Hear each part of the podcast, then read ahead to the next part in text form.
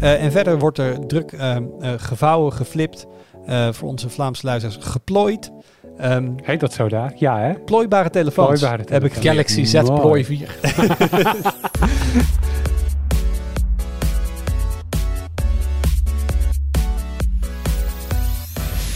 Hoi, leuk dat je luistert. Welkom bij een nieuwe aflevering van de Tweakers Podcast. Mijn naam is Wout en vandaag zit ik in de podcast met Thijs Hofmans. Hey, hallo. En Arnoud Wokke. Hoi. Jur die zit op dit moment in Keulen. Um, die heeft het druk, hè? Ja, dan denk met, oh, is op vakantie, lekker bier, curryworst. Nee, er is een, uh, zowaar een beurs aan de gang, de Gamescom. Dus hoezo, is, hoezo curryworst? Nee, natuurlijk doet hij curryworst nee, het ja. Is, het is en, en maar, maar er is meer dan alleen bier en curryworst, ga okay, ik ja. vanuit. zijn ook games. Ja, precies. Klinkt um, alsnog als zijn vakantie, maar toch. Ja, daarom. Dus uh, Jur die, uh, die slaat, een, uh, slaat een weekje over. Um, en we gaan het vandaag hebben, Thijs, over... Um, een andere beurs. Een andere beurs, want ja. nou ja, beurzen zijn, der, ze zijn terug. Mm -hmm. Ik bedoel, ja. uh, Thijs is naar een beurs geweest. Jur, die is nu naar een beurs. Volgende week gaan we naar IFA toe. Uh, dus wat toch twee jaar lang uh, op de backburner heeft gestaan, begint nu langzaam weer een beetje op te komen. Um, daar ga ik nog even bij laten. Dus Thijs naar een beurs geweest. En daar ja. gaan we het zo meteen over hebben. Het was leuk. Maar eerst... Waar, waar iedereen corona heeft opgelopen, behalve Thijs? Ja, er is een behoorlijke superspreader geweest. Ja, ik zag het, ja. ja. Dat is niet helemaal uh, goed gegaan, nee. Toch Amerika, hè? Ja, ja. Oh, dat geef ik alweer te veel weg. Um, maar eerst highlights. Ja. Arnoud. Ja, ik wilde het hebben over, uh, over uh, Google, die uh, deze week toch wel, bij mij in elk geval, in, hoe zeg je dat? In een verkeerd daglicht is komen te staan. Dat is een uitdrukking. Ja, zoiets is het wel. Het gaat om dit. Het was een verhaal uit de, uit, de, uit de New York Times over een Amerikaan. die notabene werkt aan AI-tools om kinderporno op te sporen in beeldmateriaal. Dat was gewoon zijn werk die um, uh, in coronatijd voor uh, de huisarts, of hoe dat ook heet in Amerika, hebben ze huisartsen daar? In Engeland noem je het een GP, is voor een general practitioner. Ik weet niet of het in Amerika ook het woord is. Ik hou het op voor een medische professional, een arts. Ja. Maakte hij foto's van uh, de infectie bij het geslachtsdeel van zijn jonge kind. Uh, om bij te houden hoe dat ging. Zeg maar of de, of de, of de, de, de medicijn zou aanslaan en zo. Ja. Dus daar had hij een aantal foto's van gemaakt. Die werden automatisch gebackupt naar Google Foto's. Zoals dat gebeurt op een, op een telefoon. En je weet al waar dit heen gaat, denk ik. Helaas wel, denk ik. De, het, het, algoritme van Google sloeg erop aan. En die zei, hey, dit, dit kan niet door de beugel. Vervolgens heeft een mens het beoordeeld, ook nog. Want dat, dat doen ze ook op het moment dat, je, dat die bevinding er is. Als er een, als er een rode vlag is. En die zei ook, ja, nee, dit is wel duidelijk expliciet beeldmateriaal van een jong kind. We, we schorsen het account. En ze hebben hem aangegeven bij de politie in zijn, in zijn woonplaats. Die heeft het ook onderzocht. En nu komt het, hij was helemaal klant van Google, betalend klant. Hij, had dus ook, hij zat bij Google Fi. Google is in Amerika een virtuele provider, dus je kan het telefoonnummer van Google hebben. Zeker weten. Maar omdat zijn account geschorst was, konden ze hem niet bellen en ze konden hem niet mailen. Dus ze konden hem niet goed bereiken. Dat was gewoon een ding wat tijdens dat onderzoek gebeurde. Dus hij wist helemaal niet dat hij werd onderzocht, want ze probeerden contact op te nemen vanuit de politie, lukte niet. Um, en uiteindelijk kwam dat tot de conclusie, uiteraard, dat hij niks strafbaars had gedaan. En uh, nou, toen wilde hij natuurlijk toegang tot zijn account terug en zijn data terug. En toen zei hij tegen Google, moet je horen, politieonderzoek geweest. Die hebben ook geconcludeerd, ik heb niks fout gedaan. Uiteraard, dat zei ik al tegen jullie.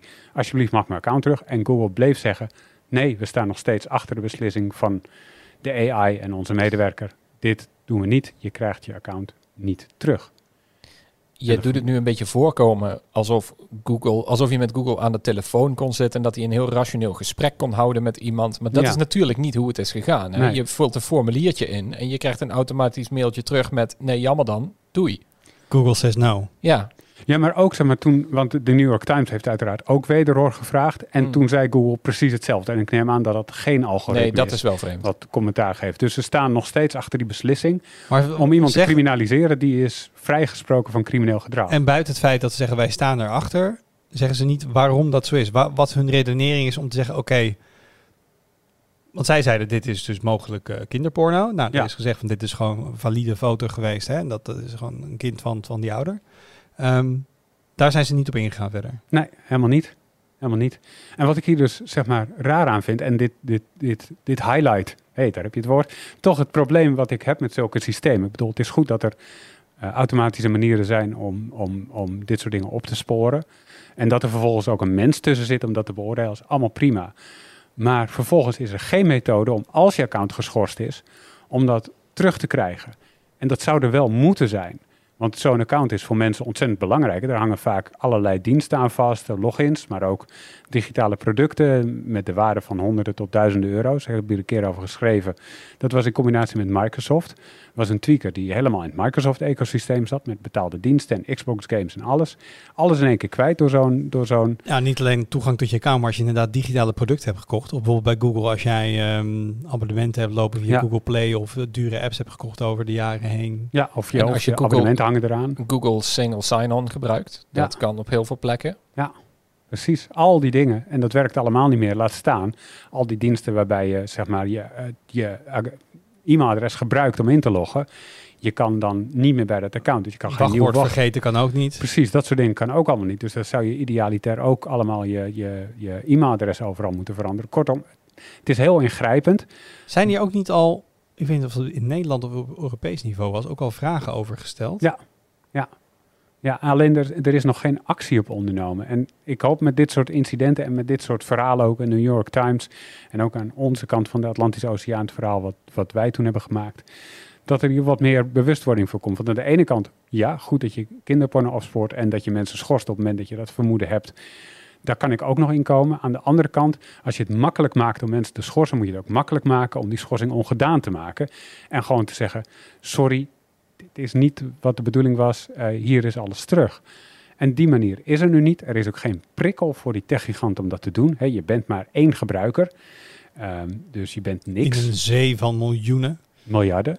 Uh, dus je bent daadwerkelijk helemaal niks. Um, en dus is die prikkel er niet de prikkel is erger om te zorgen, is, is er meer, er is meer druk om te zorgen dat die tools goed werken, dan om te zorgen dat je je account weer terug Kun je een paar vals, vals positieve wel, nee, wel accepteren? Ik kan me wel voorstellen, buiten het feit dat je zo'n um, proces zou moeten ontwikkelen dat mensen terug willen, daar komen dan natuurlijk wel weer heel veel mensenhandelingen bij kijken. Ja. En heel, heel simpel, dit kost heel veel tijd en geld om dit te gaan implementeren. Dat mensen ook het, ja, je kan ook gewoon zeggen, ja, nee. Uh, ja, maar het is nou niet zo alsof, strike you're out. alsof Google nou heel weinig geld en medewerkers heeft. nee, maar wat, ja, het is heel cynisch, maar what's in it for them? Ja, niks dus. Dat is wat Arnoud zegt inderdaad. Ja. En daarom moet, er iets, daarom moet er iets politieks daarvoor komen. We regelen de ene kant de politiek, dan moeten we de andere kant ook politiek regelen, denk ik. En ik vraag me ook af, kan dit echt niet geautomatiseerd? Dit zou toch wel moeten kunnen. Het teruggeven van een account. Ja, dus uh, dat kan, in alle landen is dat, in, alle landen tegelijk doen is dat lastig. Maar eh, in sommige landen waar Google actief is, hebben ze gewoon lijntjes met de politie en zo. Die zouden dus ook omgekeerd een lijntje kunnen leggen naar Google van... Nee, met deze persoon is niks aan de hand. Dit was echt een false positive. En dat het account automatisch weer open gaat. Klinkt als iets wat ze makkelijk zouden kunnen bouwen ik ben zoveel jaar geleden gestopt met over software development zeggen dat moet toch makkelijk kunnen, want worden de devers bij tweakers al heel boos op mij als ik dat doe. dat is wel waar. En zeggen ze hou je bij je, hou je bij je eigen maar ik zou denken, redacteur. Als het de ene kant op kan, dan zou het ook de andere kant op moeten Tuurlijk, al de, technisch is het gewoon mogelijk. Het is gewoon een kwestie van, van willen en, en willen spenderen. Ja. Um, maar de vraag is, houden jullie hier zelf rekening mee? Um, ja, wel een klein beetje, maar dan, ik, ik heb dat vooral heel erg met mijn bankrekening. Ik begon me laatst te bedenken van, als morgen, kijk, die banken die zijn natuurlijk ook ontzettend hard bezig met uh, uh, het, het, het opsporen van witwassen, financiering van terrorisme, dat soort dingen. Daar gaan allemaal algoritmes overheen. Dat is ook een enorm probleem voor die banken. Dat, dat, dat speelt. Als die bank morgen um, mijn bankrekening blokkeert, omdat weet ik veel wat voor gare transactie ik doe, dat, dat hoeft ook maar één vals positief te zijn. Als ik morgen niet bij mijn bankrekening kan, dan heb ik best een probleem. Ja. En ik denk, heel veel mensen. Want hoeveel contant geld heb jij in huis? Hoe lang kun je nog boodschappen blijven doen, bijvoorbeeld? Om maar iets stoms te noemen. En dat, dit, dit soort dingen van ineens afgesloten worden van een dienst waarvan je niet stilstaat hoe vaak je die eigenlijk gebruikt, of hoe vitaal die eigenlijk voor je is. Ik bedoel, als ik naar mijn inbox kijk, dan denk ik ook van ja, weet je, als ik er nu doorheen scroll, dat is 99% is dat inderdaad uh, nieuwsbrieven en weet ik veel wat voor flauwekul allemaal. Die kan ik op zichzelf missen. Maar als ik die toegang verlies, uh, het aantal accounts dat daaraan is gekoppeld of het aantal resets dat daaraan is gekoppeld, dat is wel enorm. Dus ja, dat vind ik best wel. daar hou ik wel een beetje rekening mee inderdaad, ja. Dus eigenlijk zou je bijna een e-mail forwarder moeten aanmaken die je overal gebruikt. En dan Ja, dan vergroot je- wel kun- weer je attack surface, dat, eh, dat dan wel. die wel, maar die kun je dan naar in dit geval Gmail forwarden als je dat gebruikt. En als je dan naar een andere dienst wil overstappen, hoef je dan meer forwarder aan te passen. Ja. Nou, En ik denk dat het gewoon goed is om in het algemeen niet te afhankelijk te worden van één dienst. Mijn documenten staan niet in Google Drive, maar mijn e-mail misschien wel. En je contacten moet je af en toe een keer in een andere dienst zetten of zo. Ik denk dat het goed is om dat soort dingen een beetje te spreiden en niet in één volledig ecosysteem te zitten. het hele idee van een ecosysteem is wel dat je natuurlijk er volledig in zit. Ja, dat, Want dat dat klopt, maakt, maar zo maken ze het het allermakkelijkst. Het is heel makkelijk, Stoppen maar we ik allemaal denk- bij ons. Ja, dat klopt. Het is heel makkelijk, maar je hebt dan ook weer een. Het is ook heel moeilijk als je er een probleem mee hebt. En ik denk dat het. Ik, het als je vraagt van wat doe ik er persoonlijk aan, ik zorg dat ik dat een beetje spreid. Ook al zorgt, zorgt dat misschien voor wat meer gedoe en meer problemen en is het niet zo makkelijk. Dat zou kunnen. En Hoe- tussen wat spreid jij het dan? Je Ik neem aan dat je een Google-account hebt. Eh, ik heb wel een Google-account, maar mijn, eh, mijn domein loopt bijvoorbeeld bij, bij TransIP of zo. En ik heb inderdaad wel een backup hier en daarvan. En ik, ik zorg dat mijn backup-strategie een beetje goed is en zo. Ik probeer dat soort dingen wel, wel een beetje te spreiden, ja. Want ik heb zelf ook wel eens nagedacht over het, dat we alles in de cloud gebruiken en alles dan maar bij Google. En het werkt allemaal zo makkelijk. Van moet ik dan niet veel meer zelf gaan doen? Toen heb ik een tijdje naar Nextcloud gekeken. Dat ook gedraaid lokaal en zo. Maar ja, het simpele antwoord is, het is zoveel meer moeite. En de vraag is gewoon, heb je Dat zin klopt. om dat allemaal... Heb ik zin om een eigen mailserver te beheren? Om zelf mijn cloud storage te gaan doen? En het klinkt, ja, ik, ik, als ik het ga zeggen, klinkt het een soort heel laf. Maar nee, ik heb daar ergens ook gewoon... Nee, dat snap ik, snap ik heel in. goed. En dan ben jij nog iemand die daar gewoon ook nog mee bezig is. En dat misschien ook nog wel leuk vindt zelfs om dat, om dat af en toe een keer naar te zitten. Maar als je het flauwe voorbeeld van mijn moeder, die zou dat natuurlijk nooit doen. Nee. Ik denk heel veel mensen niet. Maar hoe Dus spreid je dat risico met een bankrekening eigenlijk? Meerdere bankrekeningen hebben? Ja, sowieso altijd genoeg contant geld in huis om eh, een x aantal dagen boodschappen te doen. En Mhm. ik heb inderdaad twee bankrekeningen, ja. En eentje, daar staat gewoon twee maanden aan vaste lasten staat daarop. Dus dat is, wat, wat is dat, 2.000, 3.000 euro of zo. Dat staat daarop. Aan, en dat, dat zie je gewoon als spaargeld. Maar dat is, eh, ja... Als, ik bij, als mijn ING-rekening wordt afgesloten, heb ik altijd nog een ABN AMRO om in ieder geval mijn hypotheek te betalen, mocht het Ja. nodig zijn. Ik vind het o- risico is overigens klein hoor, laat ik dat voorop stellen. Maar weet je, het hoeft maar één keer mis te gaan. En Ja, maar ik bedoel, gevolgen zijn wij, wij, zijn, wij Nederlanders, wij zijn een land van verzekeraars. Mensen die zich voor alles en nog wat verzekeren. Dus ik bedoel ook allemaal hele kleine risico's. Ik ben verzekerd voor van alles en nog wat wat me nooit gaat overkomen. Dus dit is dan ook helemaal niet een gek ding om over na te denken. Nee, dat denk ik inderdaad niet, nee. En ik moet zeggen, Maar- nou, ik heb geen tweede bankrekening. Ja, bij een andere bank. En nu je dat zo zegt. Alleen bankrekening is voor mij best wel Ja, het kost wel geld, duur ja. tegenwoordig om gewoon puur geld ergens te stallen. Nou, ik, voor, voor mij was het eigenlijk toevallig, omdat ik ben ooit overgestapt naar ING. En toen kwam ik er eh, na vijf jaar of zo overstappen, kwam ik erachter dat ik die oude rekening bij ABN AMRO al die tijd nog steeds had. En dat daar nog steeds 700 euro op stond of zo, waar ik geen Oh. idee van had. Dus dat was echt een leuke meevaller. en van die 700 euro is alles opgegaan naar betaalkosten voor dat pakket in die vijf jaar. Maar eh, dat, eh, ja, was wel een goede meevaller. Maar Maar- Arnoud, d- d- d- ben jij bewust van wat je waar stoort in de cloud en, en hoe je daarmee omgaat om niet afgesloten te worden? Ja, ja ik, nou, ik, ik, ik, eh, loop dit scenario wel af en toe na. Zo van, als, ik, als ik slachtoffer word van zo'n false positive, dan is het wel een beetje gesplitst en gescheiden. Maar eh, ik loop tegen hetzelfde aan als jij. Eh, Lokaal, dat, ik ben er nu op uitgekomen dat ik lokaal bijvoorbeeld een fotoarchief op, op een harde schijf heb staan. die ik af en toe bijwerk. En ja, het, het helemaal lokaal met die foto-upload draaien, dat krijg ik ook niet helemaal lekker werkend. Dus ik, hm, ik probeer het wel. Ik sta er echt bij stil, alleen ik vind het ook lastig. Dus ik kom wel uit bij meerdere techgiganten en dan spreid ik het risico ook wel wat. Maar het is in ieder geval wel makkelijker om mee te werken.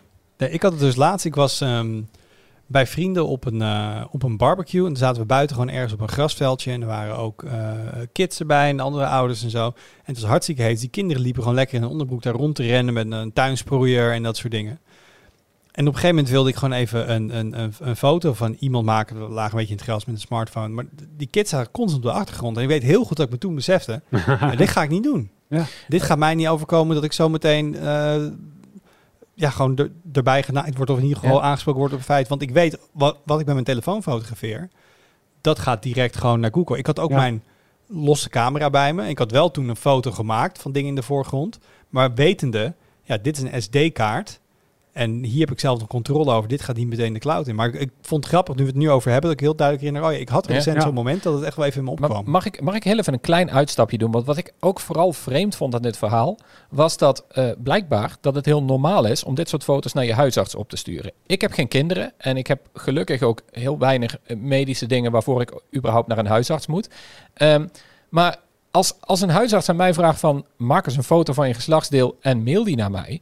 Ja, dan zou ik, ik zou toch wel twee keer nadenken. En misschien is dat heel anders als je kinderen hebt. Arnoud, ik kijk eventjes naar jou. Dat je dan, Ik zit Maar- al helemaal klaar. ja, Ten eerste, ik, ik weet niet zeker, weet jij dat zeker, of je het opgestuurd had?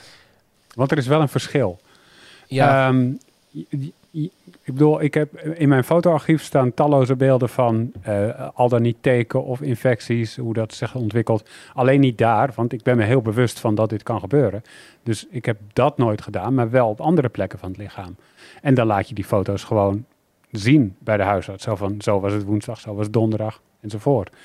Ja, dat gebeurt. En zeker als je iets wil laten zien dat zich ontwikkelt. En je, dat is de reden dat je een nieuwe afspraak maakt, bijvoorbeeld.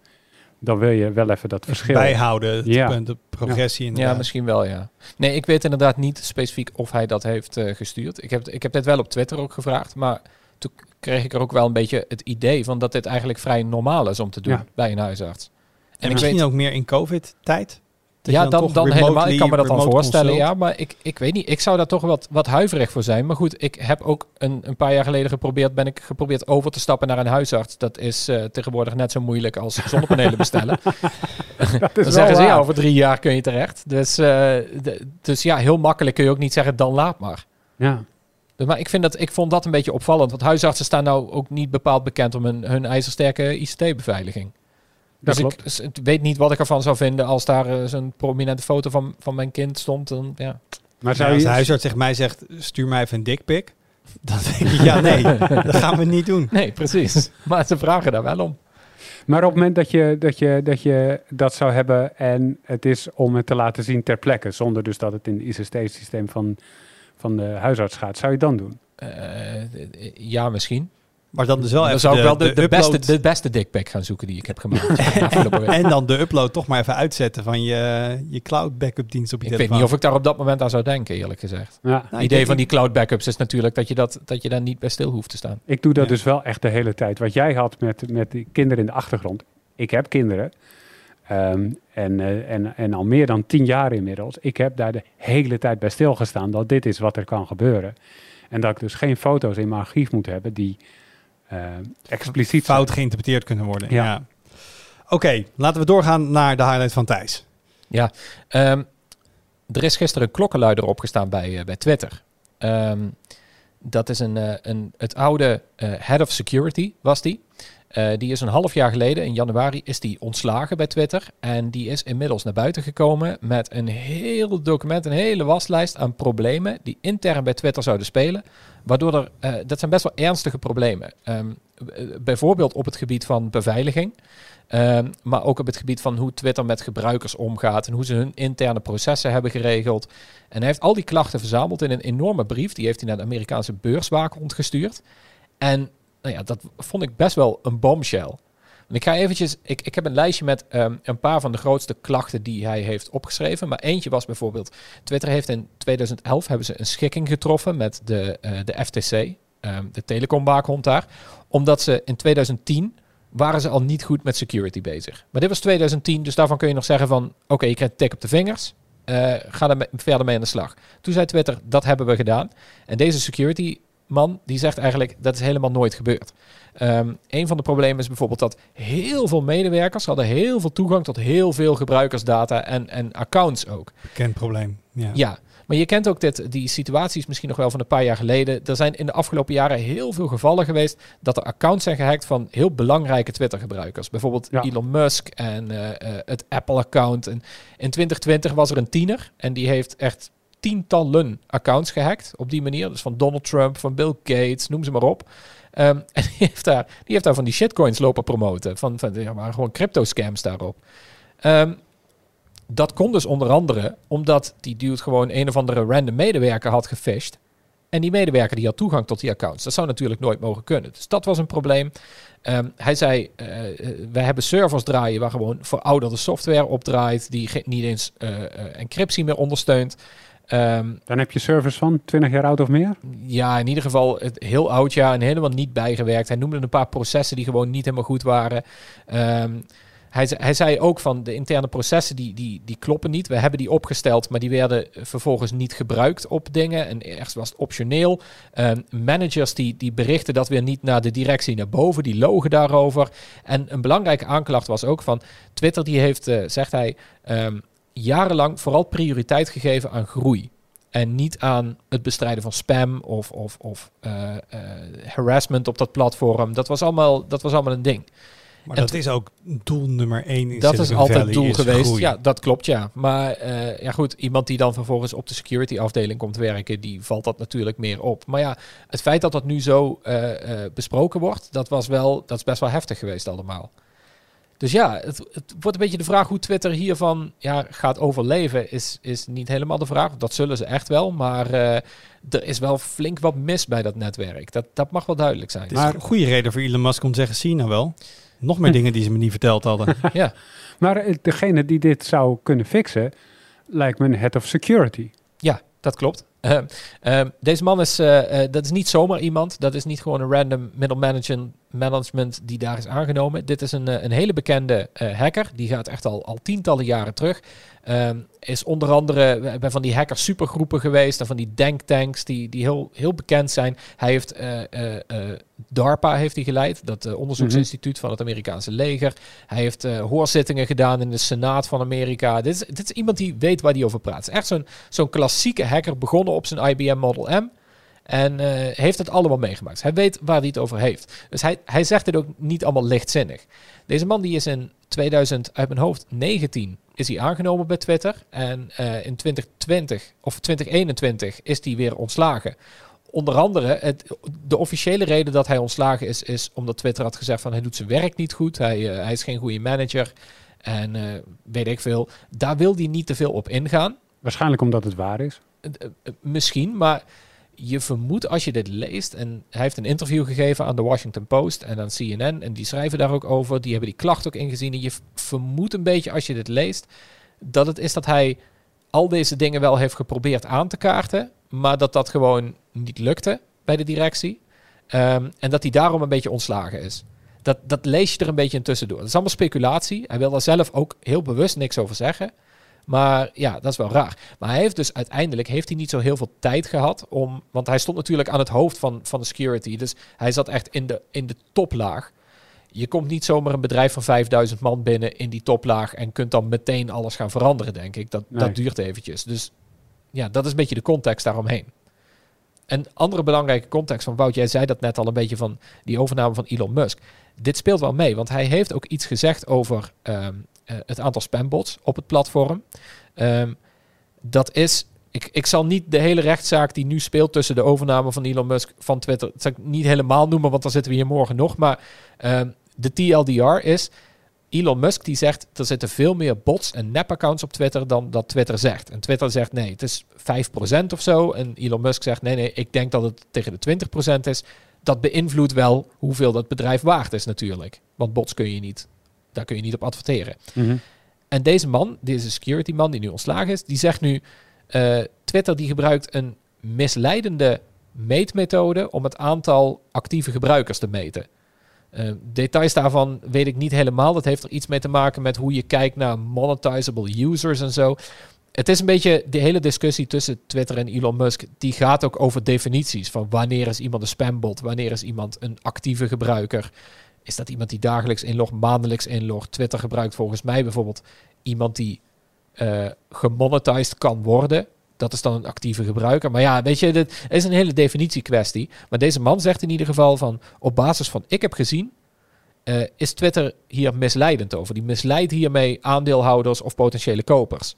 Dus ja, dit zou nog best wel eens een staartje kunnen krijgen in die, uh, in die hele rechtszaak. Heeft, heeft Twitter al officieel gereageerd op al deze aantijgingen? Um, ze hebben eigenlijk gezegd van ja, hij is een, uh, hoe noemen ze dat dan mooi? Een disgruntled employee. Iemand die gewoon boos is en een, uh, een appeltje te schillen heeft met het bedrijf. En niet heel inhoudelijk op alle punten. Um, overigens daarbij gezegd, de brief zelf die hij geschreven heeft en al die punten, die zijn niet in detail bekend. Er is een soort samenvatting, die is aan eh, eh, de CNN de Washington Post gegeven. Daar citeren zij uit. En hij heeft een interview gegeven waarin hij het een beetje uitlegt. Maar de exacte punten zijn niet helemaal bekend. En daar is Twitter ook niet eh, exact op ingegaan. In ieder geval niet publiek. Maar het, het is nu een beetje van, ja, het is afwachten of ze, daar, of ze dat echt nog gaan doen. Maar wat, wat, wat nu? Want dit is naar buiten. Nou, oké. En nu? Eh, nu weten we dat Twitter echt een heel evil bedrijf is. Wachten tot het overwaait. Dat, is, dat zou zomaar eens een beetje de strategie kunnen zijn natuurlijk, ja. Ehm, ja, het is een beetje de vraag, wat, wat nu? Er zijn een paar opties, namelijk dat uh, sowieso over die koop van, uh, van Twitter, dat zou wel eens ja, gewoon problemen kunnen opleveren. Mhm. Um, hoe dat gaat, ja, weet je, dat wist ik gisteren niet, dat wist ik eergisteren ook niet, dat weten we al weken niet. De volgende stap is altijd onbekend in die, in die, in die strijd. Um, maar het zou ook goed kunnen dat nu de beurswaakhond, dat die ook eens gaat kijken van, ja, klopt het eigenlijk wel? Hebben zij niet jarenlang dus de aandeelhouders misleid? Uh, of hebben ze informatie achtergehouden? Um, de FTC, met wie ze die schikking destijds hadden getroffen, die zal ook wel eens aan de bel kunnen gaan trekken. Met zeggen van, hé hey, luister, we hebben toen die, uh, die overeenkomst gesloten. Als nu blijkt dat ze daar niks aan gedaan hebben, dan zou er best wel eens een boete aan kunnen hangen. Dat zou allemaal kunnen, ja. Het is op dit moment, dit gebeurde gistermiddag, het is nog veel te vroeg om daar nu nog iets over te zeggen, maar dat is wel het, het zou best wel eens flinke gevolgen kunnen hebben. Het is meer dan alleen zo'n zo'n dingetje van, oh, zie je wel, big tech bedrijven zijn weer eens uh, verkeerd bezig. Zijn weer eens evil. Ja. More news at 11. Ja, ja. dat ja. Oké, okay. uh, ik heb twee dingen. Oh. Ten eerste even een dienstmededeling. Mm -hmm. Er ging vandaag een video online. Dat is dus woensdag. Woensdag, met mijn hoofdlijn. Ik heb dat gepresenteerd daar dachten wij, hè, wij zijn, dat hebben we ook in de podcast over gehad, uh, nieuw type video's, wat, wat luchtiger en zo. En ik had samen met Luc, met de producer, bedacht, weet je wat, aan het begin, dan uh, veeg ik wat hardware van tafel. Mm -hmm. En toen zeiden we natuurlijk, dat kan natuurlijk nooit op de grond vallen, dus leggen we allemaal kussens neer en dat soort dingen, dat gaan we natuurlijk niet kapot maken en zo. hebben we niet expliciet natuurlijk gemaakt in die video, want dat een beetje, hè, dan is het grapje een beetje weg. Um, maar ik zag in de reactie heel veel mensen die dachten dat wij dus uh, voor de lol hardware aan het slopen zijn hier. Dus voor de mensen die dat gezien hebben en zich daar zorgen om maakten. Nee, there was no hardware harmed in making this video.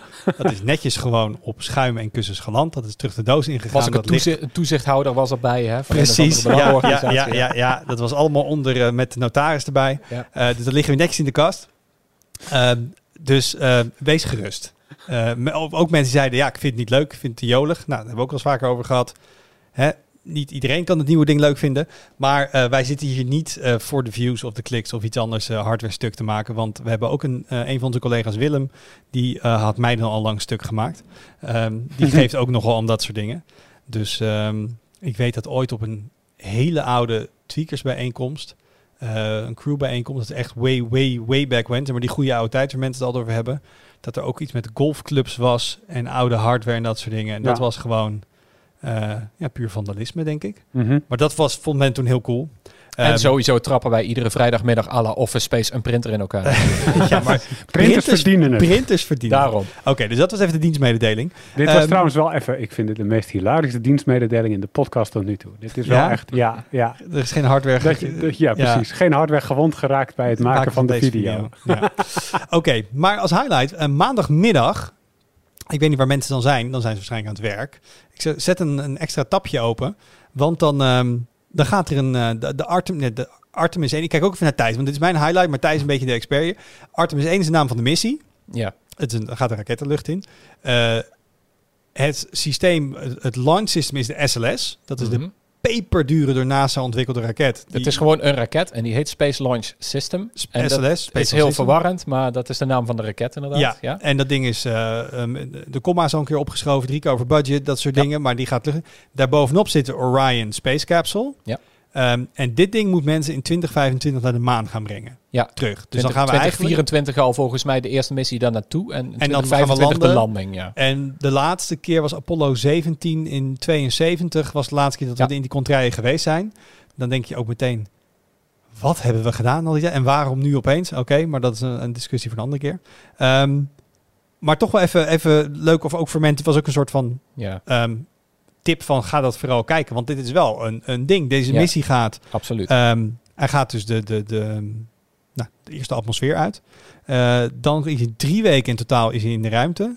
Ehm er gaat, nou, dan gaat natuurlijk de, de booster worden afgekoppeld en de raket. Voor mij is het allemaal niet reusable. Het gaat allemaal Nee, dat op- is gelijk ook een, een van de problemen hiermee. Ik zeg het eventjes tussen aanhalingstekens, maar dat, eh, dat is wel een probleem, ja. Dit fikt gewoon ja. meteen op of land in de oceaan. Ja, ja, nou, dan gaat in ieder geval Orion, eh, de, de spacecapsule, die is gemaakt door Boeing, Ja. wil ik zeggen. Ja, door NASA en ESA samen ook. Dus eh, Ja, de- het de een- European Space Agency heeft wel echt een belangrijke rol gespeeld in de aandrijving daarvan. Maar ja, Ja. En die gaat dus dan door naar de maan. Die gaat dan zes dagen in orbit. Dus in een, eh, in een baan om de maan. Ja. een het goede Nederlands voor orbit. Ehm, en dan weer terug, ook nog eens. En dan weer landen. En dan dus het is echt een, een, zee, een ja. testrit. En dan in 2024 gaan ze hetzelfde grapje nog een keer doen, maar dan bemand. Maar dan blijven mensen gewoon erin zitten. Ja. Eh, en 25 is het idee dat we dan Dat- echt weer ja, voet op de maan gaan zetten. Dat, dat is het idee. Eh, mind you dat eh, ruimtevaart altijd flinke vertraging op heeft. Dat is niet SpaceX eigen, maar dat is ook NASA eigen. Want deze missie stond oorspronkelijk voor Ook. 2016 volgens Ja. mij. En het is nu 2000. Ja, om 22. even, om even de context te schetsen. Kijk, in 2003, toen stortte de Columbia Space Shuttle neer. Amerika die ging naar, het, naar, naar de ruimte met astronauten, met die space shuttles. En die space shuttles die bleken ehm, veel duurder en complexer dan dat ze eigenlijk hadden gedacht. Zij dachten eigenlijk van, we sturen die omhoog, komt hij naar beneden, poetsen we hem een beetje op en dan gaat hij weer en dan blijft hij maar doorgaan. Nou, dat bleek uiteindelijk een heel drama te zijn, duurde veel langer. Het ding bleek ook hartstikke onveilig te zijn. Er zijn 14 astronauten mee overleden. Ehm, en in 2003 gebeurde dat voor het laatst. Nou, toen heeft NASA eigenlijk gezegd van... eh, eh, dit ding, daar moeten we mee stoppen. Want dat is gewoon niet meer te doen. Dus die ze, hebben hem toen eigenlijk uitgefaseerd. Alleen het probleem was... ze hadden die Space Shuttle nog wel nodig... om het ISS te gaan bouwen. Toen zijn het we aan daarvan. het eh, gaan, eh, gaan meeliften op de Soyuz. Ja, maar die Space Shuttle die is blijven vliegen tot aan 2011. En in de tussentijd, dus tussen 2003 en 2011... ehm, heeft hij, terwijl die Space Shuttle het ISS aan het bouwen was... begon NASA al een beetje na te denken van... ja, wat, wat nu? Wat hierna? Wat gaan we na het ISS doen? Kijk, en het idee is natuurlijk van... we zijn naar de maan geweest, dan wil je eigenlijk wil je weer verder. Dus je wil naar Mars toe. NASA is, dit is de bedoeling dat die steeds verder gaan natuurlijk. Of in ieder geval steeds, steeds meer baanbrekend doen. Nou, toen hebben ze eigenlijk gezegd van... we gaan een raket bouwen. Die wordt nog groter, nog krachtiger dan de Saturnus... waarmee we naar de maan zijn geweest. En ja, dat, dus dat wordt de nieuwe grote raket. En toen hebben ze gezegd van, hebben ze gekeken naar de Space Shuttle en dachten ze van, ja, dat was ook een mooi idee, maar werkte niet in de praktijk.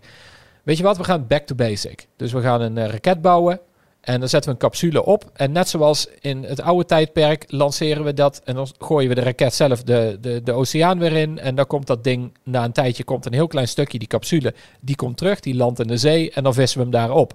Eigenlijk zoals we dat al vanaf, vanaf 1961 doen met Yuri Gagarin. Dat is eigenlijk het idee erachter. Alleen het probleem is een beetje dat dat Space Launch System veel complexer bleek te zijn dan gewoon eventjes een raket bouwen wat we al tientallen jaren doen. Dat bleek, dat, daar bleken heel veel problemen mee te zijn. Onder andere met het ontwerpen van de motor. Ehm, de software was een heel groot probleem. ook niet deels dezelfde motoren die ook Ja, gebruikt dat is helemaal, dat is inderdaad het hele kromme. Hij gebruikt dezelfde Space Shuttle motoren, maar op de een of andere manier zijn die net eventjes wat anders geconfigureerd en dat loopt vertraging op. Ehm wij hebben op aanstaande maandag, de dag van de lancering, dan schrijven eh, collega Joris en ik, die hebben daar samen een achtergrond over. Dus dan kun je precies lezen wat er allemaal nou precies zo vertraagd is. Ehm, de software is een hele grote vertraging geweest altijd. Eh, dat, dat was allemaal een, een, een, ja, ik mag het woord clusterfuck denk ik niet noemen. Ik heb het toch gedaan. dat, dat was het probleem. Dat was het probleem. Het is in ieder geval, dus het project zou aanvankelijk in 2016 al klaar moeten zijn. En zou iets van, ja, 2 miljard moeten kosten of zo. Nou, dat is dus 2022 geworden en het heeft al 23 miljard gekost. Het is echt waanzinnig veel duurder geweest. Ehm, en, en, en al die jaren is ook elke keer de vraag gesteld van, moeten we hier nog mee doorgaan? Maar ja, op een gegeven moment heb je die sunk cost fallacy. Dus dan, eh, ja, Ja, We kun je al zoveel geld erin gestopt. Precies, dan kun je niet meer terug. En wat ook wel belangrijke context is, ehm, het Space Launch System werd in de volksmond, werd dat inmiddels ook wel het Senate Launch System geworden. Want het is echt een puur politiek project eigenlijk. NASA, als dan aan NASA had gelegen, dan hadden die waarschijnlijk gezegd van, dit moeten we niet meer doen. Dat is veel te idioot plan. Ehm, alleen de Amerikaanse Senaat, die zei de hele tijd van, nou pomp er nog maar wat meer geld in. Want het levert ontzettend veel banen op in mijn district. Mhm. Want iedereen bouwt aan dat ding. En dat bouwen, bouwen, bouwen, banen, banen, banen. Goeie deal. En natuurlijk ook ja. wat ook is, als dit ding de lucht in gaat en hij maakt netjes een orbit en ze gaan zes dagen om de maan heen en hij landt ook nog eens goed, dan hoor je waarschijnlijk daarna net wat minder over die kosten en het uitstel, maar wel van Amerika heeft het weer wel. gedaan, we zijn weer terug. eh, Nou, ehm, dit zou je met. Dit, dit argument was natuurlijk voor de James Webb-telescoop wel opgegaan. Want eh, daarvan weten we van, die is ook heel veel vertraagd. Daar hebben we een paar weken geleden ook over gesproken in de podcast volgens mij. Die is ook veel vertraagd, jaren Duur. en veel duurder geworden. Maar nou zie je die foto's en denk je, wauw. Alleen het probleem is, van James Webb is geen alternatief. En van deze raket is die er eigenlijk wel. Dat is namelijk gewoon wat SpaceX aan het doen is. En Mhm. binnenkort andere bedrijven. Dat is een beetje het probleem met deze raket. Het is allemaal prima als het heel duur is, maar het doet iets unieks. Alleen het probleem is dat er nu een private industrie in Amerika aan het eh, opkomen is, die een groot deel van wat SLS moet gaan doen. Namelijk, eh, eh, in de eerste plaats was die bedoeld om gewoon grote satellieten de lucht in te brengen. Ja, dat, dat, dat kunnen genoeg raketten inmiddels ook. En veel goedkoper, mind you. Want SpaceX die doet het echt voor een habbekrats. Ehm, en veel andere bedrijven ook. Nou ja, en als je dan zegt van oké, maar dan gaan we mensen naar de maan sturen. Dat kan alleen deze raket. Maar over een paar jaar, dan heeft SpaceX een, eh, die, die, die Starship en die Starship Heavy en de Heavy Boosters en weet ik veel wat allemaal. Ja, die kunnen dat ook straks. maar dat bestaat nu nog niet. dat bestaat nu en nog niet, eerlijk is eerlijk. ergens gevaarlijk om nu alles in te zetten op SpaceX. Het komt wel goed daar, dat ding gaat er komen. Je moet natuurlijk ook wel ergens een Tuurlijk, soort van concurrentie in deze markt. Ik kan me wel voorstellen als Starship zichzelf bewijst en ze gaan gewoon het rekensommetje doen, dat ze heel erg... Ik denk dat die SLS niet een heel lang leven beschoren is, laat ik het zo zeggen. Die SLS inderdaad niet, nee, dat denk ik ook niet, nee. Maar je ziet wel dat die gewoon op heel veel punten eh, gewoon is ingehaald door de private industrie. Of in ieder geval ingehaald gaat worden. Want inderdaad, er is nu nog geen alternatief voor die bemenste maanlandingen. Maar als je kijkt naar het tempo waarmee die bedrijven daarmee bezig zijn, dan ja, is dat is gewoon een kwestie van tijd. Plus die herbruikbaarheid, dat is toch wel echt, echt een veel. Want deze raket, inderdaad, zelfs, zelfs de Space Shuttle, die had nog die, die witte solid rocket boosters aan de zijkant. Die kwamen terug in de oceaan, maar die visten ze dan op en gebruikten ze opnieuw. Zelfs dat gebeurt bij dit Space Launch System niet meer. Dus alles van die raket wordt gewoon in de oceaan gedumpt. Inclusief die peperdure motoren en zo. Halen ze dat er niet uit trouwens? Nee, dat zinkt naar de bodem. Dat zinkt naar de bodem en dan blijft het daar liggen. Ja. Wat een goed idee. Nou, een paar jaar geleden. Dat is, Of ze halen misschien leuk twee eruit voor in een museum of zo. Maar Ja, nou, leuk zijstapje. Jeff Bezos eh, heeft jaren geleden had hij een eh, soort hobbyproject. Dat hij met een boot ging die door de oceaan. En dan ging hij de motoren opzoeken van de oude Apollo-missies. Die ging hij opvangen. En die gaf hij dan naar het museum. Dat heeft hij gedaan. Dus hij heeft de, de motoren van de Apollo-raket heeft hij opgevist. Ook denk die kan je dat dan op eh, Amazon kopen, maar zo makkelijk ging dat niet. dat zijn echt miljardair, multimiljardair hobby's. Ja, dat zal hij overigens niet zelf hebben gedaan. Maar eh, Oké, ja. maar in ieder geval maandag eh, voor mij uurtje of zoek het even na, een uurtje of half drie. Dat is Het, natuurlijk het een is in de middag, maar met een hele grote kanttekening dat er waarschijnlijk weer wordt uitgesteld. Dus, Want het weer. Nee, ehm, het, het is gewoon een hele nieuwe raket. Daar hangt zoveel af van hoe belangrijk dit is. Het heeft al zoveel gekost. Als, als er hier iets misgaat, is het catastrofaal. Dus ik denk dat ze echt het allerzekerste voor het onzekerste nemen. Bij de minste of geringste twijfel denken van nou, stel het wel eventjes uit. Ja, maar nu is het in de Tweakers podcast genoemd. Dus zit iedereen om half drie maandagmiddag klaar met een extra tapje. Dat is wel Zo, waar, ja. Dat moet je sowieso doen. Want dan voeren de druk wel op. er gaat er waarschijnlijk een countdown komen. Mhm. Of hij naar nul gaat, dat is de waarde vraag. Ja. Maar dan weet je nu dat je even je tapje open moet zetten. Ja. Ehm, excuses aan alle bedrijven voor de verminderde productiviteit maandagmiddag. Als iedereen zijn tapje openzet. Ehm, Thijs, jij was in de VS. Ja. Eh, jij dacht, eh, het kan weer. Ik ga niet naar één beurs, ik ga naar twee beurzen. Ja, Want jij was op DEFCON en Black Hat. Ja.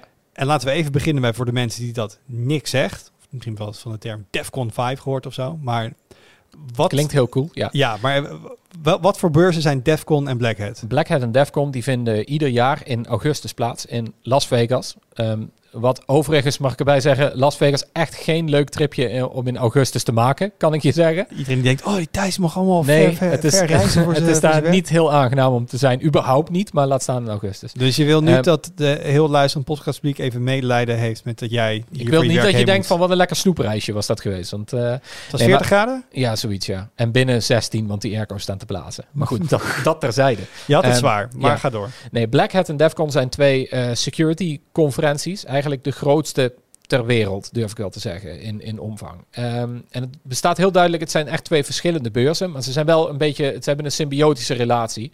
Ehm Defcon is eigenlijk de bekendste. Die bestaat dit jaar voor de dertigste keer. Voor 30 jaar wordt dat, eh, werd dat georganiseerd. Ehm, en dat is echt een hackersconferentie. Dus er komen een soortje hackers bij elkaar. En dat is echt classic van hackers met hoodies, die gewoon lekker gaan zitten hacken met elkaar. En ehm, toen dat vijf jaar oud was, die beurs, toen hebben er een paar mensen gezegd van ja, die security-industrie die wordt een beetje professioneel. Wij willen een professioneel evenement daarvan.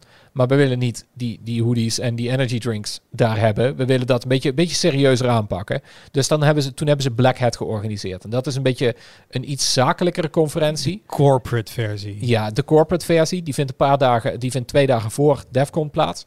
En eh, dat zijn kort gezegd mannen in pakken die veel geld betalen om te luisteren naar nou ja, security onderzoekers die wel hun onderzoek ehm, aankondigen. Dus als er hackers zijn geweest die iets tofs hebben ontdekt in, in, in, weet ik veel, in een chip waar ze een kwetsbaarheid hebben gevonden of zo, dan komen ze dat daar presenteren.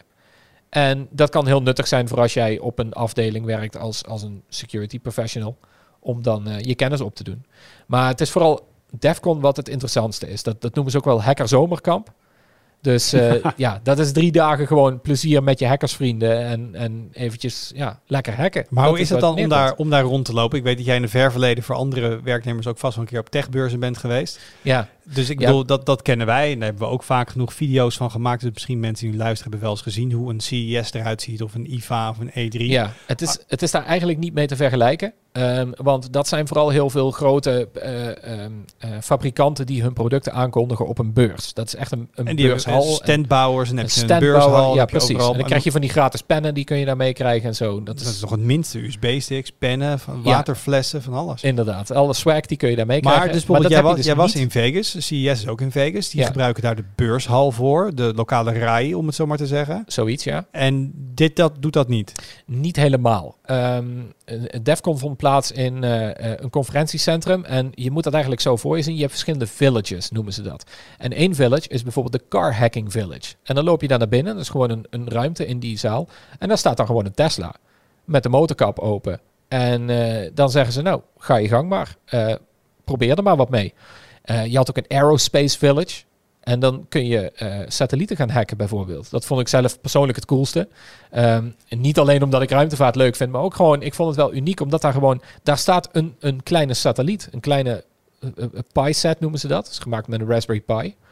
En eh, dan zeggen ze eigenlijk van, nou, weet je, ga er maar mee aan de gang. En je hebt daar wedstrijden, dat noemen ze Capture the Flags. En dan is het de bedoeling om ehm, zo snel mogelijk, of eh, dan ga je dat in een team doen. En dan ga je met z'n vijven proberen om dat te doen. En dan wint degene die het eerste route toegang krijgt tot die, tot, die, eh, tot die satelliet. Of tot die auto, of noem het maar op. En ondertussen heb je dan, eh dan staat er ergens in een hoekje van de kamer, staat er dan iemand een presentatie te geven. Dat is totale chaos. Want bij heel veel van die conferenties heb je dan nog wel dat je gewoon, je hebt een zaal en dan komt een praatje en iedereen gaat netjes zitten. En je luistert het praatje, na afloop applaudisseer je. En dan ga je naar de volgende. En hier is dat dan van, aan de ene kant zitten een stel van die hackers, die zitten heel koortsachtig te proberen om die Pi te hacken. Terwijl er achter je iemand staat te schreeuwen. Soms twee mensen in dezelfde zaal. Dus het is totale madness om daar iets van te maken. Maar dan staat er iemand iets te vertellen over... eh, ik, ik heb een praatje bijgewoond van iemand van, eh, van Amazon. Die werkte bij Amazon aan dat satellietproject. Nou, die vertelt dan een beetje over wat zij doen... en wat de toekomst van satelliethacking wordt en zo. En ja, Ik kan me ook voorstellen dat, die ook wel, dat je dus het onderscheid hebt tussen de echt de, de mensen die het doen, de hackers. Maar dat je net zoals op de andere beurs ook gewoon bedrijven hebt die, weet ik veel, eh, software maken om hackers tegen te gaan. Of eh, andere beveiligers die denken, hey, dit is mijn publiek. Dus zitten zit er ook grote corporate bedrijven dan? Eh, niet echt. Amazon is daar wel aanwezig, maar niet als in... Hallo, wij gaan Amazon promoten of zo. Dat is duidelijk niet wat het is. Ik heb ook aan heel veel mensen met wie ik daar eh, was. Er was een hele grote groep Nederlanders. Hoi, als je luistert. Leuk, was heel gezellig. Ehm, maar daar heb ik dan naar gevraagd van wat, wat kom je nou doen op deze beurs? Want sommigen die waren van bedrijven, anderen waren van, van overheidsinstellingen, bijvoorbeeld van de, van de politie of de belastingdienst, die waren er dan ook. En, eh, eh, maar er waren ook echt gewoon mensen van banken en, en, en bedrijven of securitybedrijven zelf.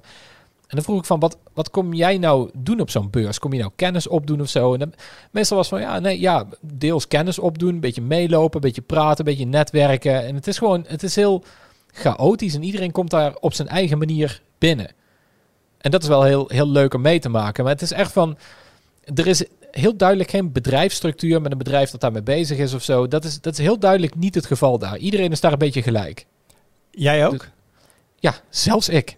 Alsof, nee, Het is, waar, eh, waar ben je wel? Of, of wordt er toch een beetje op jou neergekeken? Eh, ja, een beetje wel, ja. Ik ben wel... eh, ze houden daar niet zo heel erg van journalisten. Dat is ook Even natuurlijk een- anders dan vergeleken met normale beurs. Als Ja, mijn, mijn inbox wordt de laatste weken vol gespamd over Gamescom. En Ja. hoe die be- met bedrijven me vinden, weet ik niet, want ik schrijf niet over games.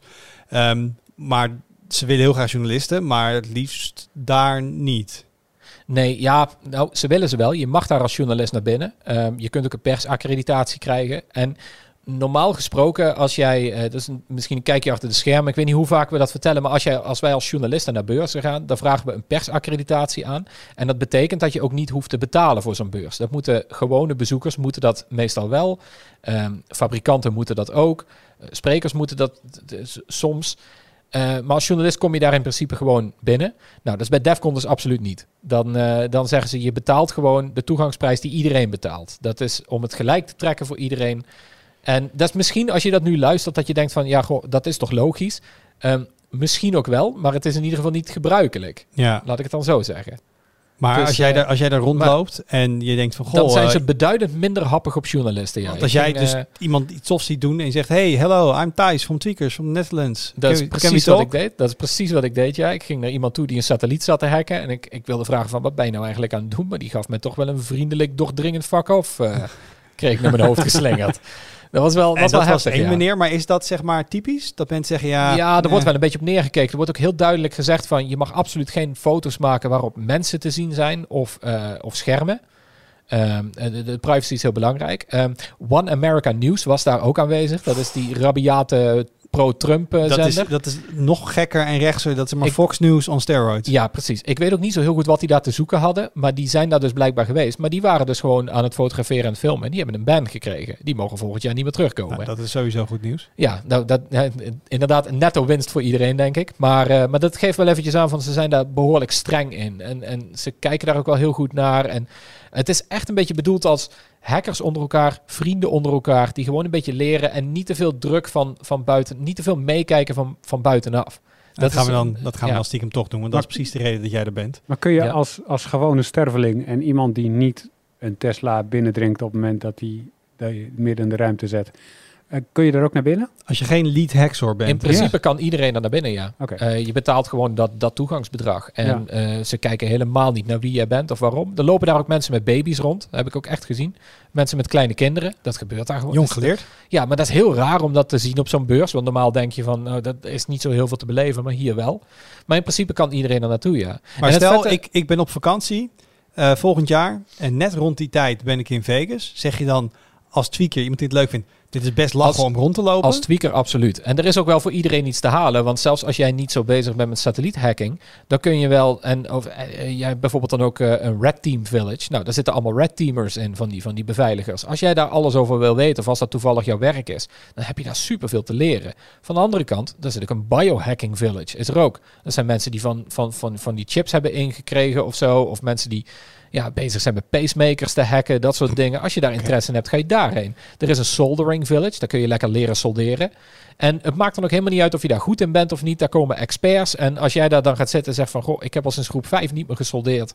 Hm. Hoe doe ik het ook alweer? Dan is er altijd wel iemand die zegt van... hey, ik leer jou dat wel. Het is een beetje zoals bij hele- ons en Paul Soldeer workshops. Zo Ja, inderdaad. Een beetje wel, ja. Ja, Ja. daar lijkt het wel op. Wij moeten het nog even hebben over iets. Dit is een podcast. Ja. Ik ga het mooi omschrijven, maar we doen het ook op hij- YouTube. je kan het ook laten horen. Ik ga laten horen. Jij hebt een, een badge. Misschien heel even wat je begint. Wederom een vergelijking met normale beurzen. Ehm, op een beurs heb je een badge, die hangt om je nek. Er staat er waarschijnlijk op press of Dus iets een key- anders. keycord met een Een kaartje erop. keycord met een kaartje. Dan Ja. kunnen Ja. mensen je naam zien, dat zingen.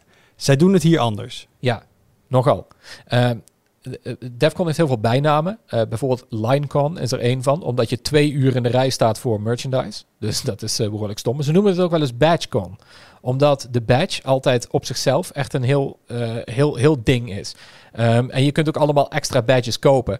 Maar deze keer hadden ze dus een, ze hebben dus elke keer een hele unieke badge. Die is dan gemaakt van een PCB'tje, waar ze dan eh, een schermpje op hebben en geluidjes. En ik ga hem nu eventjes laten horen.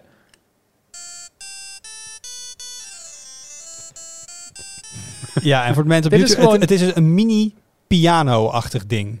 Ja, het is, eh, het is een piano dingetje. Ja. Het is een piano, er zit een vierpuntsdruktoets op en een schermpje in het midden. En dan kan ik eh, kiezen tussen pianomuziek zoals dit.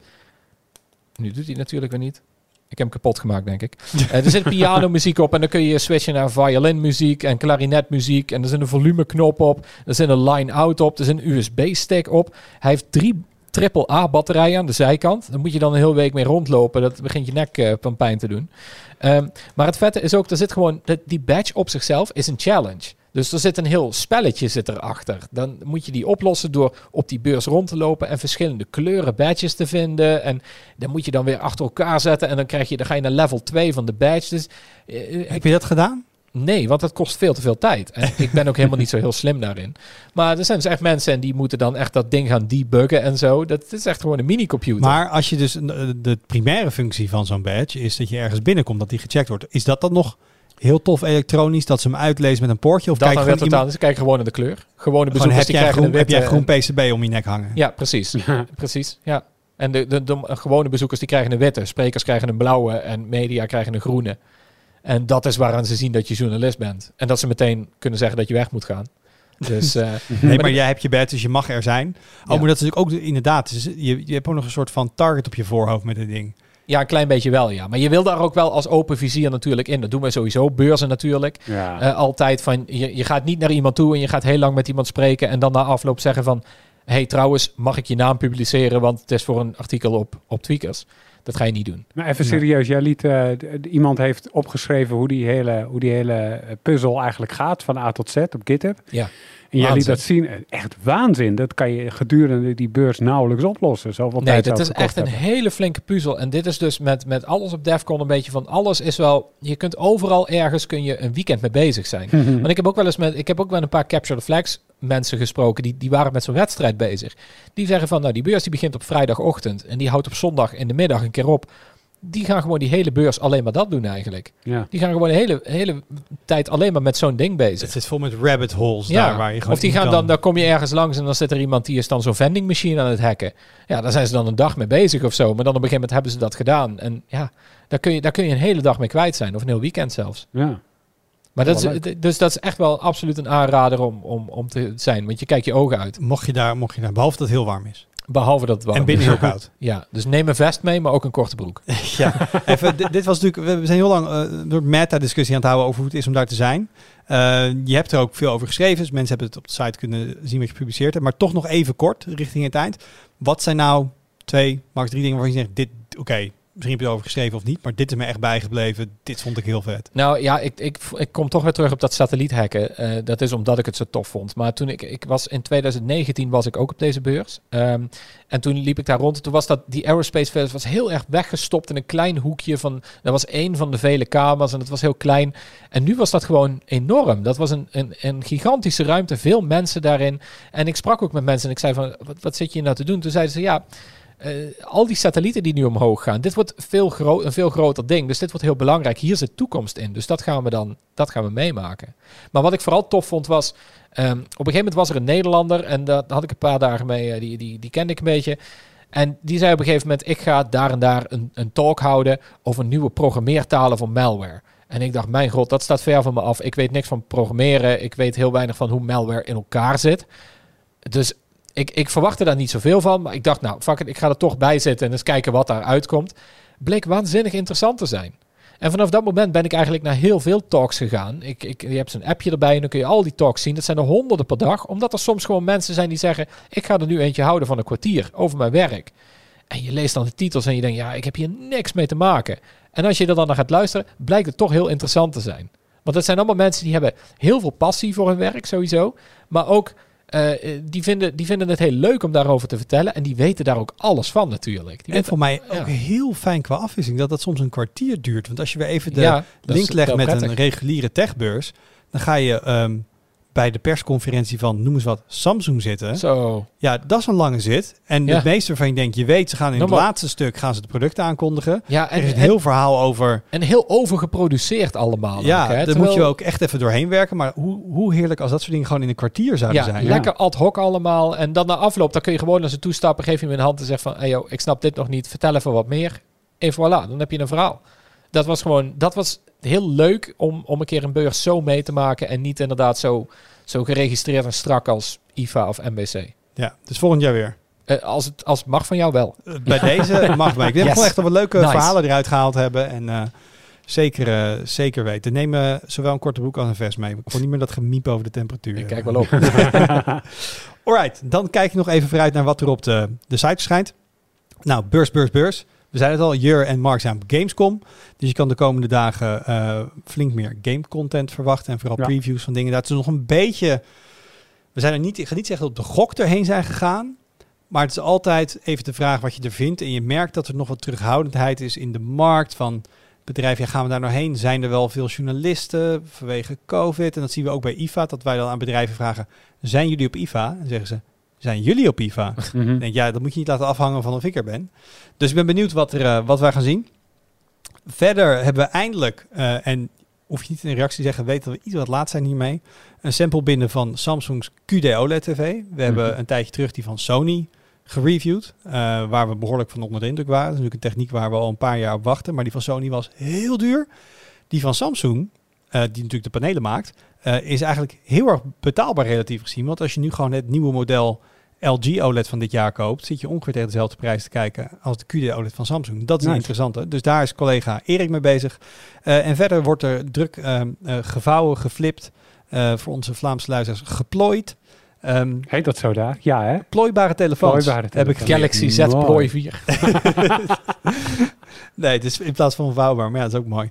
Ehm, we hebben in ieder geval de Flip en de Fold binnen. Ja. Eh, dus die hebben verdeeld onder collega's Friso en Donovan. En die zijn er druk mee bezig. Ik, ik zat van de week er een beetje mee te spelen. En toen, ja, er is iets met die twee coronajaren die zeg maar in een flits voorbij zijn gegaan. Maar ik denk, hoe zijn we nu op versie 4 van een vouwbare telefoon uitgegaan? Dit, dit is toch nog een soort, net een nieuw ding wat een beetje in prototype stadium Ja, is. ik snap dat idee wel. En aan de andere kant vind ik bij de vier op papier, en ik hoop dat in de reviews dat, dat ik daar antwoord op krijg. Ik heb het idee dat we stilstaan. Dat, dat, dat, dat is de gekke tegenstelling. Het is hypermodern en net nieuw en het voelt alsof het net is. En nu al is de innovatie eruit. Ja. en als een nieuwe fabrikant zijn ding aankondigt, ja, is het elke keer een beetje hetzelfde idee. Schermpje aan de buitenkant, openklappen. En we zagen een paar jaar terug natuurlijk, eh, nou, LG heeft het nooit uitgebracht, maar de Rollable.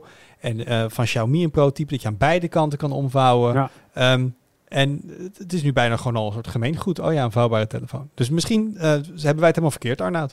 Ik hoop het. En gaan, gaan Friso en of Don van ons dat vertellen. Dus dat komt er nog allemaal aan. En dit was de podcast voor deze week. Yes. Dank jullie wel, jongens. Dank je wel voor het kijken en voor het, voor het luisteren. Heb je nou feedback? Kun je altijd even een reactie achterlaten of ons mailen op podcast.tweakers.net. Tot volgende week. Doei.